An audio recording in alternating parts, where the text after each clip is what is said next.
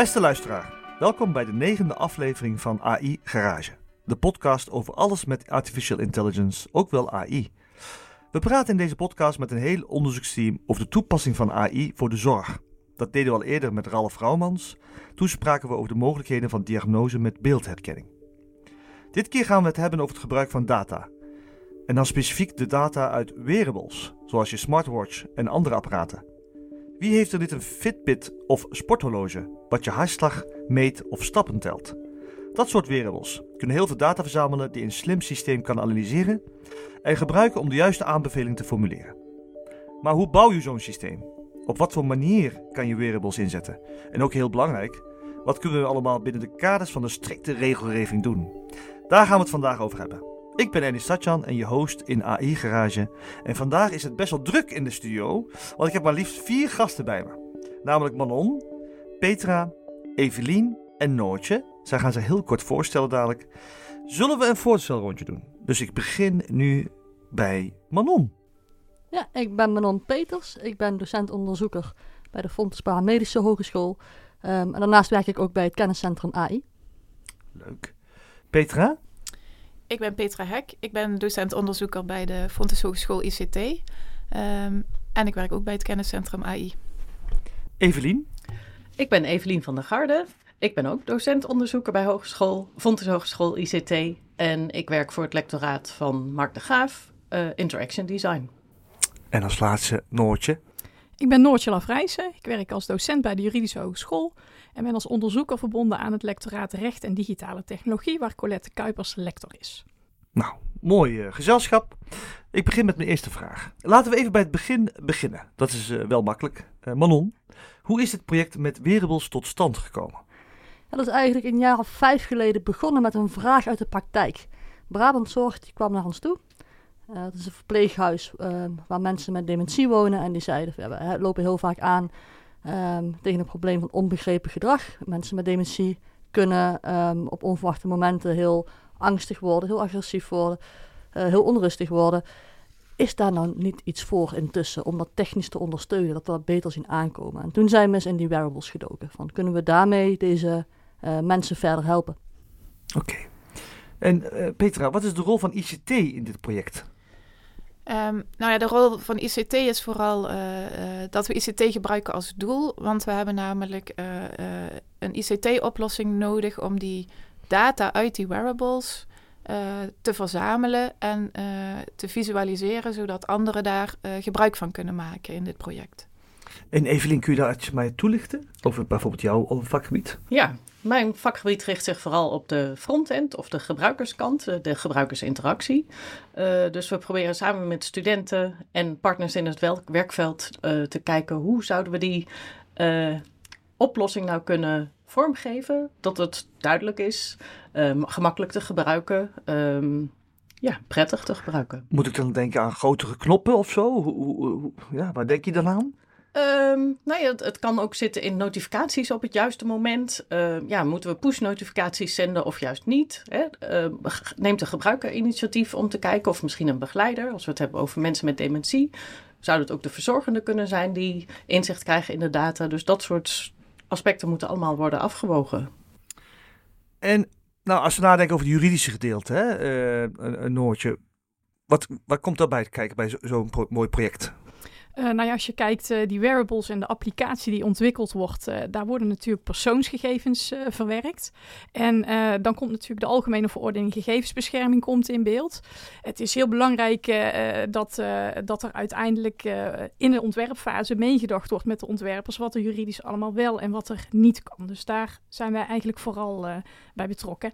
Het is meer dan alleen de AVG, maar even om een voorbeeld te geven waarin we meedenken. Maar dus als ik, uh, hè, laten we een vraag stellen van uh, iemand die aan het dementeren is, die, ik weet niet precies hoor, maar die kan niet soms beslissingen nemen voor nee, zichzelf. Klopt. Dus daar houden jullie ook rekening mee. En ja. Wie geeft dan toestemming? Ja, dat is een goede vraag. Hè? In uh, dementie heb je natuurlijk verschillende fases. In sommige fases zal uh, de dementerende zelf nog uh, toestemming kunnen geven. Maar als een, een dementerende cliënt al wat verder heen is, dan zal dat de wettelijk vertegenwoordiger moeten zijn. Um, maar dan krijg je natuurlijk ook weer de vraag van, hè, als degene, die, die, degene is die de wearable gaat dragen, niet wil instemmen met het gebruik, dan komt bijvoorbeeld ook weer de wet zorg en dwang in beeld.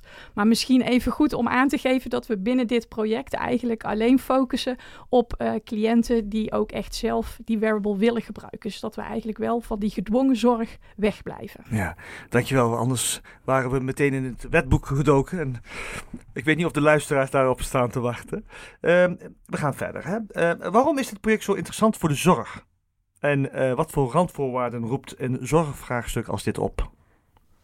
Ja, waarom het project interessant is voor de zorg is omdat uh, dit is, dementie is één van de casussen. Eén gebruik, die, die triggerde ons om dit uh, hiermee te starten. Maar er zijn heel veel gebruikersgroepen die dit interessant vinden. waarvoor het ook heel relevant is, zowel aan de preventiekant. denk aan, aan de hoge werkdruk die je kunt ervaren, waarbij het heel behulpzaam kan zijn om inzicht te krijgen in jouw, jouw stressmomenten, maar ook in jouw ontspanningsmomenten. Um, denk ook aan het herstel van burn-out. Uh, denk aan psychosomatische klachten. Uh, hoeveel mensen hebben pijnklachten die uh, dan wel geïnitieerd worden of dan wel in stand gehouden worden door stress. mensen met autisme. Het is zo'n breed belang zit hier, zit hier achter. En overal is de context net iets anders. Dus je moet steeds wel opnieuw kijken naar hè, wat is hier de optimale toepassing van deze technologie. Maar de basisvraag um, is eigenlijk wel gelijk. Is het een soort verkapte bezuiniging? Voor eh, zorgverleners? Of uh, ja, ik, ik vraag het gewoon. Misschien stellen uh, de luisteraars die vragen ook. Wie kan de antwoord op geven? Nee, nee, het is geen verkapte bezuiniging. Sterker nog, ik denk dat het nu even juist een investering is die je moet maken. Dus uh, nu ben je helemaal niet aan het bezuinigen.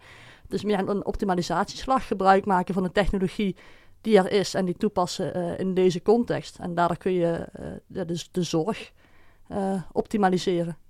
Petra, je wilde volgens mij iets zeggen. Ja, over die verkapte bezuinigingen. Ik zie, ik zie het juist als een, um, uh, een, een, middel om de, de werkdruk bij zorgverleners te verlagen. Want uh, zo'n wearable, die heeft een cliënt of patiënt om en die kan dus continu meten zonder dat er een zorgverlener daadwerkelijk in de buurt is om naar die patiënt of cliënt te kijken.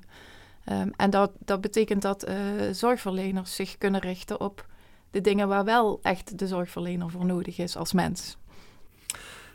Um, even om terug te uh, grijpen. Hè? Waar hebben we het eigenlijk over als we praten over wearables? En in hoeverre worden die al gebruikt voor de zorgtaken? Ja, er zijn heel veel verschillende wearables. Uh, je kan denken aan een, een, ring die om je vinger uh, huidgeleiding meet. Uh, het kan om een borstband gaan, een polsband, uh, het kunnen pleisters zijn die je op je huid kan plakken, sensoren. Dus er zijn eigenlijk heel veel verschillende vormen van wearables denkbaar, of ook al op, op de markt. Um, en wat was eigenlijk de volgende vraag?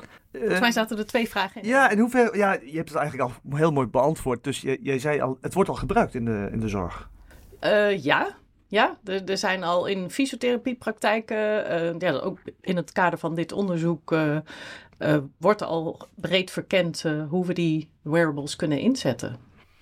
Oké. Okay. Maar bijvoorbeeld in verpleeghuizen werkt men heel vaak met, met leefcirkels. Waar je, vroeger kwam je bij de deur en dan moest je de code invoeren en dan kon je er doorheen. Nu komt iemand bij de deur en zit daar een sensor en die bepaalt of die deur voor die persoon open gaat. Dus je kan, daar wordt de zorg al gepersonaliseerd. Uh, door het gebruik van sensortechnologie. En in dit geval is het een soort GPS-tracking wat er gedaan wordt. Maar het principe is natuurlijk, ligt heel dicht bij het uh, principe wat wij toepassen. Wat zijn de doelen van het onderzoeksproject? Waar richten jullie vooral op? Wat zijn de doelen? Uh, het doel is om um, prototypes op te leveren. Van nou, hoe zou een systeem wat, wat stress meet eruit zien als je al deze verschillende perspectieven, dus het juridische perspectief, de gebruikerskantperspectief, het technische perspectief, als je die combineert, hoe zou dan een prototype eruit zien van zo'n uh, van een prototype? Dus dat is eigenlijk het hoofddoel van dit uh, project. Um, omdat deze vraag veel te breed is om op te pakken binnen een project, hebben we moeten kaderen. Um, dus hebben we gekaderd op in dit geval dementie, omdat daar de vraag vandaan kwam. Um, en uh, patiënten met, dat noemen we ALK. aanhoudende lichamelijke klachten. Uh, dus die lopen bij de fysiotherapeut. En daar gebeurt nu ook al heel veel in de care as usual, noemen we dat. Dus nu gebeurt er al heel veel om die mensen te coachen op stressmanagement. Um, dus daar willen we ook kijken wat gebeurt er nou als we deze technologie daar niet als vervangend neerzetten, maar als aanvullend uh, aanbieden. Ja, prachtige ontwikkeling lijkt het me. En uh, gaan jullie ook de hardware zelf maken of gebruiken jullie bestaande wearables? Oh, dat is misschien wel heel mooi om te vertellen. Dus in eerste instantie dachten we, we gaan bestaande wearables gebruiken. die hebben we ook. Daar hebben we ook al vorig half jaar al dingen mee gedaan met groepen studenten. Maar dit semester hebben we uh, dit project ook als opdracht neergelegd. Want dat is misschien wel belangrijk om nog aan te vullen. En een, een tweede belangrijk doel van dit project is wel dat het echt een uh, toegepast onderzoeksproject is, waar we ook echt met studenten onderzoek willen doen. dus we hebben al echt heel veel verschillende studenten van de drie verschillende hogescholen die al aan dit project gewerkt hebben en kleine stukjes, kleine prototypes hebben bijgedragen. En voor dit semester hadden we de opdracht ook neergelegd bij een groep uh, masterstudenten van de uh, Master Applied IT van, van onze eigen Fontes Hogeschool ICT. En die zeiden van ja, maar wij uh, hebben een achtergrond, wij kijken vooral naar embedded software. Wij vinden het wel heel interessant om te kijken of we zelf een sensor kunnen ontwikkelen. En toen zeiden wij oké, dat hadden we van tevoren niet bedacht in dit project, maar why not? Hè? Dus daar zijn ze nu, as we speak, mee bezig. Samen met een van de bedrijven in het project die ook eigen sensortechnologie ontwikkelt. Dus dat is uiteindelijk, ja, min of meer toevallig is daar een heel mooi deelprojectje ontstaan. Mooi, mooie samenwerking. En wat voor data, over wat voor data hebben we het nu? Kan iemand daar iets over vertellen? En met name fysiologische data. Um, dus het is primair, dus je meet, uh, Evelien zei het al, de, de huidgeleiding kun je meten. Op het moment dat jij, iedereen kent het wel, als je in, in het verkeer zit en er springt ineens iemand voor je auto of je fiets, dan voel je dat het zweetje uitbreekt. Um, op het moment dat je zweet, uh, daar zit zout in, dus dat uh, kun je meten in de huidgeleiding. Dan krijg je een hogere huidgeleiding van. Um, dat gebeurt ook wel heel subtiel. Dus soms voel je het zelf van het zweet breekt me uit, maar ook als, het heel, als je heel subtiel gestrest raakt, kun je, kun je dat met zo'n sensor al oppikken. Daarnaast kunnen we hartactiviteit kunnen we meten. Um, daar kunnen we ook op, basis daarvan kunnen we ook zeggen hoe iemand in zijn stresswaardes zit. Um, en het leuke van uh, het toepassen van AI is, is dat je nou de kans hebt om al die datastromen uh, te combineren. Uh, een tweede belangrijke datastroom is die kwalitatieve datastroom. dus dat is Evelien het ook al over push-notificaties. op een gegeven moment wil je ook van, van de gebruiker, van de drager weten... was hier sprake van stress en hoeveel stress, wat gebeurde hier eigenlijk... Um, dus ook die data die nemen we uh, mee. Oké. Ja, we komen toch weer terug bij jou, Noortje. Ik hoop niet dat je nog meer wetten naar voren gaat halen. Maar um, um, het is namelijk wel een vraagstuk wat je nu eigenlijk wel en wat je niet mag met die wearables. Je hebt het misschien heel kort aanstipt, maar voor luisteraars die minder in thuis zijn, kun je dat toelichten alsjeblieft? Ja, dat kan ik. Uh, ja, in die wearables en in die applicatie zelf worden een aantal persoonsgegevens verwerkt. En kun je denken aan een naam, geboortedatum van iemand, uh, maar ook bijvoorbeeld gezondheidsgegevens. Dat zijn ook uh, persoonsgegevens. En vanuit de wet wordt eigenlijk gezegd dat je de hoeveelheid persoonsgegevens die verwerkt mogen worden, dat je die eigenlijk zoveel mogelijk moet beperken. Dus dat je alleen die gegevens gebruikt die je ook echt nodig hebt.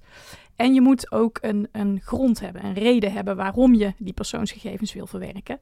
En omdat er ook gezondheidsgegevens, zoals hartslag, uh, wordt verwerkt, uh, betekent dat eigenlijk dat je altijd uitdrukkelijke toestemming moet geven aan degene die die wearable draagt en waar de applicatie dus gegevens van verwerkt. Dus dat is eigenlijk wel een hele belangrijke, denk ik, als aandachtspunt om mee te geven.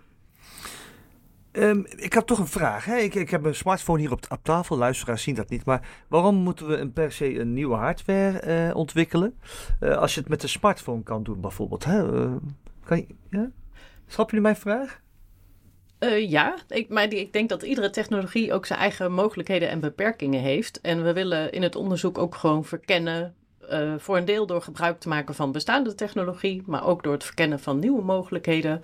Uh, hoe kun je dat optimaal ontwikkelen? Uh, en een bestaande smartphone-applicatie of de, een smartphone heeft ook beperkingen en kan je niet bij de data die je zou willen gebruiken. of het is niet gebruiksvriendelijk, waardoor je dus weer andere problemen krijgt. Dus we willen juist kijken hoe kunnen we nou de technologische mogelijkheden en de interactiemogelijkheden ja, in rekening houden met de juridische eh, kantlijnen eh, en de zorgperspectief. Hoe kunnen we dan een optimale ehm, oplossing ontwikkelen? Ja, we weten ook al, uh, er is sowieso niet one size fits all. Hè? Manon noemde al die verschillende ja, uh, type patiënten, cliënten waarbij dit zou kunnen werken. Dus we, we moeten sowieso alle mogelijkheden verkennen om voor een gegeven context de beste optie te selecteren.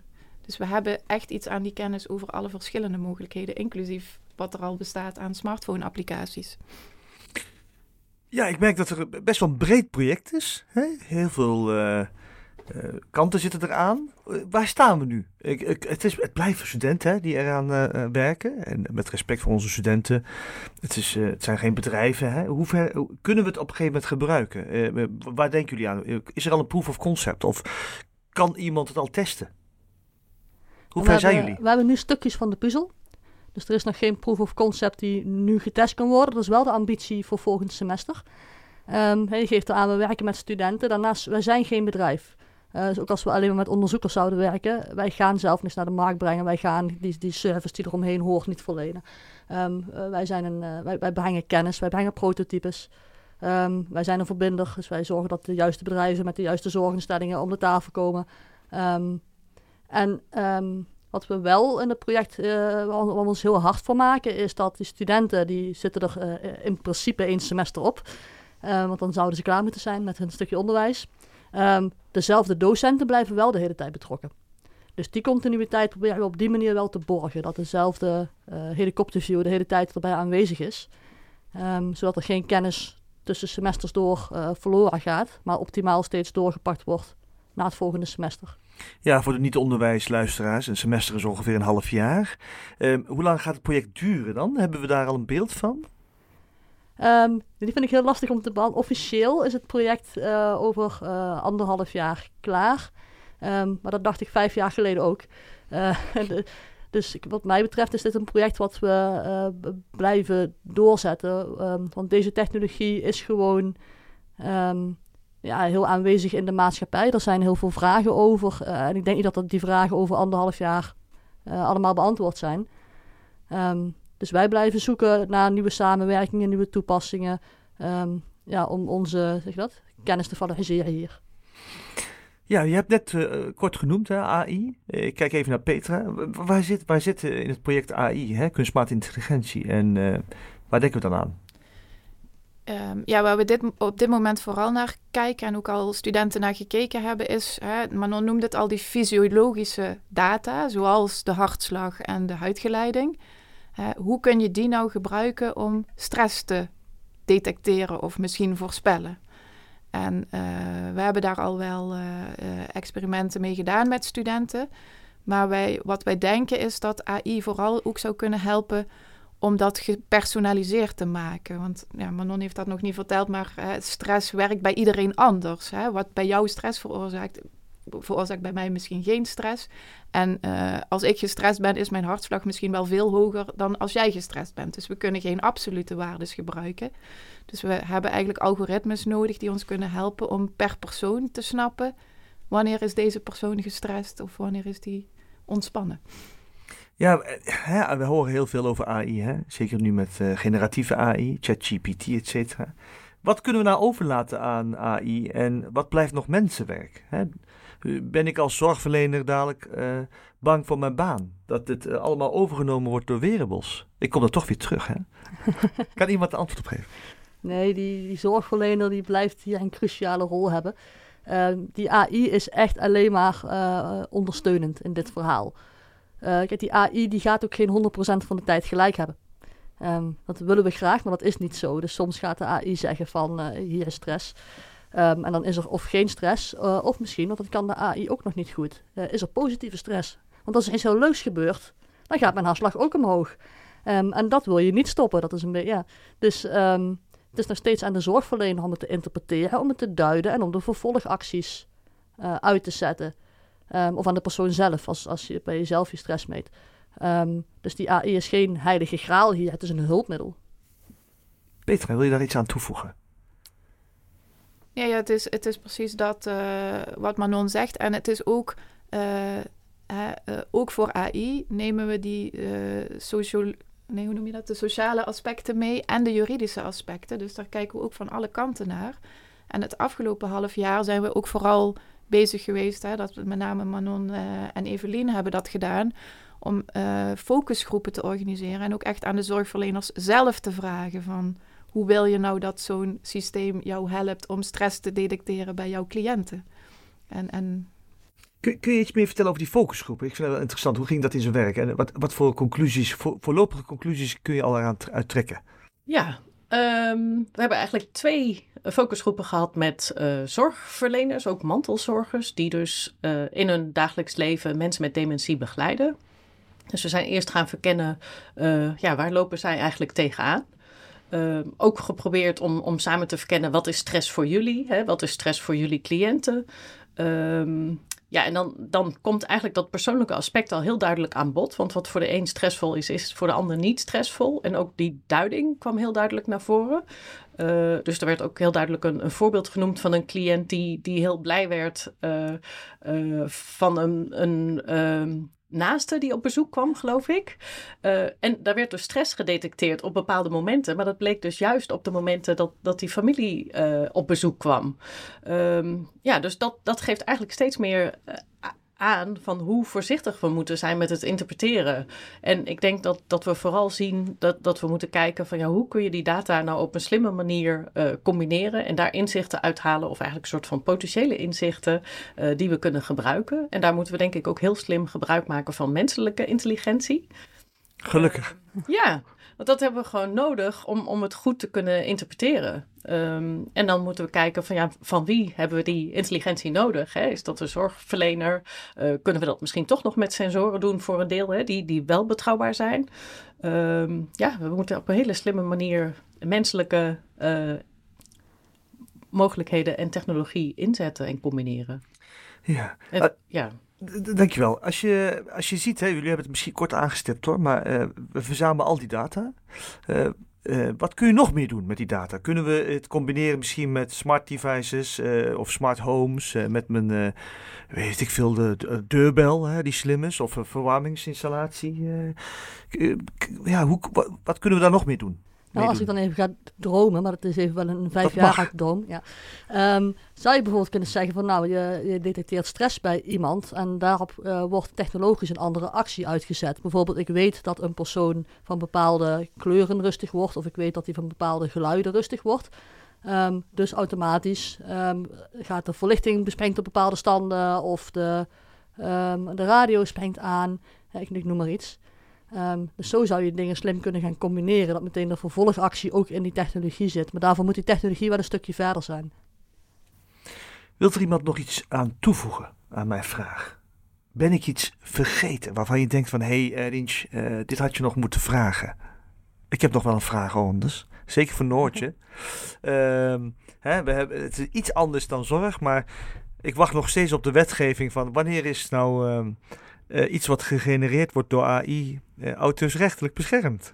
Ja, dat is een, een hele mooie, goede vraag waar ik uh, ook het antwoord helaas niet op weet. Maar ja, er zitten natuurlijk heel veel interessante vraagstukken in. Um, ook binnen dit project, maar ook ja, buiten het project om. Misschien nog leuk om toe te voegen, hè, want we hadden het net al even over uh, AI. Uh, dat we ook wel binnen het project nagedacht hebben over hoe kunnen we nou de algoritmes die we gaan gebruiken ook verantwoordelijk uh, inzetten. En we hebben nu een afstudeerder bij de Juridische Hogeschool die binnen het project eigenlijk aan het onderzoeken is de algoritmeregisters die nu gepubliceerd zijn van de overheid. Kunnen we daar inspiratie uit opdoen en wat is het wettelijk kader, de concept AI-verordening die er ligt. En zij gaat eigenlijk een soort blauwdruk maken, is het idee, om binnen het project te gebruiken, zodat we kunnen verantwoorden uh, wat we met die algoritmes gedaan hebben, wat daarin verwerkt wordt. En je kunt het ook gebruiken voor andere toepassingen, denk ik. Zeker, ja. ja. Om af te sluiten, uh, wil ik Manon nog één keer het woord geven. Uh, waar zit de mens in het verhaal? Nou, misschien een leuke anekdote om te vertellen is dat we hebben een tijdje geleden onderzoek gedaan naar um, een groep uh, proefpersonen die die wearable um, off-shelf uh, kregen van ons. Hebben gezegd, ga ermee spelen, ga hem gebruiken en over twee weken horen we wel wat je ervan vond. Um, En toen kwamen er, eh, die proefpersonen kwamen terug en die zeiden na twee weken waren er bevindingen van, nou, ik heb echt inzage gekregen dat als ik op bed ga liggen, ik niet automatisch rust. Maar ik blijf doorpiekeren en ik zie inderdaad in mijn data dat ik dus helemaal niet rust. Daar schrok ik wel van, dus ik ben nu andere rustmomenten gaan zoeken. Um, dus dat is heel waardevol. Maar er zaten ook mensen tussen die juist gestrest werden van die data. Die stonden s ochtends op en die zagen: Oh, ik heb vannacht uh, niet goed geslapen. Ja, nu is mijn dag al verpest. Mijn stresswaarden zijn al bereikt. Ik kan net zo goed. Dus die stonden al met een 1-0 achterstand op door die inzage in die stress. Um, iemand anders ging dus het sporten skippen, want hij zat al aan zijn stress-tax. Uh, dus uh, wat onze conclusie was, is: deze technologie is eigenlijk niet zo geschikt om gewoon los te laten. Um, maar hier is de mens, dus het kan een coach zijn of een therapeut of iemand die meeduidt en met jou meedenkt van hoe ga je hiermee om, heel belangrijk. Um, want het is niet, dit is geen technologie van baat het niet, dan schaadt het niet. Op het moment dat je hem verkeerd interpreteert, kun je wel degelijk uh, ja, adverse effects krijgen. Wel een hele interessante toevoeging, want daar stond ik helemaal niet bij stil. Het kan dus ook tegen je werken voor, als je het verkeerd gebruikt. Zoals met alle technologieën trouwens. Ja, dat is hier ook. Ja, en daar wordt, uh, in de literatuur is daar vrij weinig aandacht voor, vind ik. Iedereen zit op die eh, hoe kunnen we zo nauwkeurig mogelijk stress duiden? Uh, en wij zitten meer op de, ja, en dan? wat gaan we er dan mee doen? Uh, dus dat is het toegepaste stukje wat wij zo belangrijk vinden. Ja. Hoe kunnen anderen, bijvoorbeeld luisteraars die dit heel interessant vinden, zorgverleners, zorgverzekeringen, uh, andere hogescholen, bedrijven met jullie samenwerken? Hoe, hoe, hoe kunnen we dit doen? Hoe, wat moeten ze doen? Contact opnemen. Ja. Hebben jullie een website of een... Ik heb een, een website. Um, maar die, de titel daarvan is heel erg lang, de, de nou, URL. Dus je kan nou, het gaat erom dat ze contact op kunnen nemen ja. met Fonds Hogeschool ICT. En wij kunnen dat uh, dan doorsturen naar, naar jullie. AI in de zorg. Het laatste woord is er nog niet over gezegd. Maar het is goed om te zien dat we in de startblokken staan om impactvolle stappen te zetten met AI en data. Technologie die het leven beter en gezonder kan maken, maar waar we ons goed bij af moeten vragen wat we wel en niet willen. Maar ook hoe we de privacy van het individu garanderen, maar ook de potentie van data kunnen benutten. Wie weet wat de toekomst brengt. Ik wil u heel erg bedanken. Een grote groep, maar het ging heel goed, heel netjes dat we op elkaar hebben gewacht. Uh, en uh, beste luisteraars, bedankt voor jullie aandacht. We hopen dat jullie er weer bij zijn voor onze volgende aflevering. Tot dan.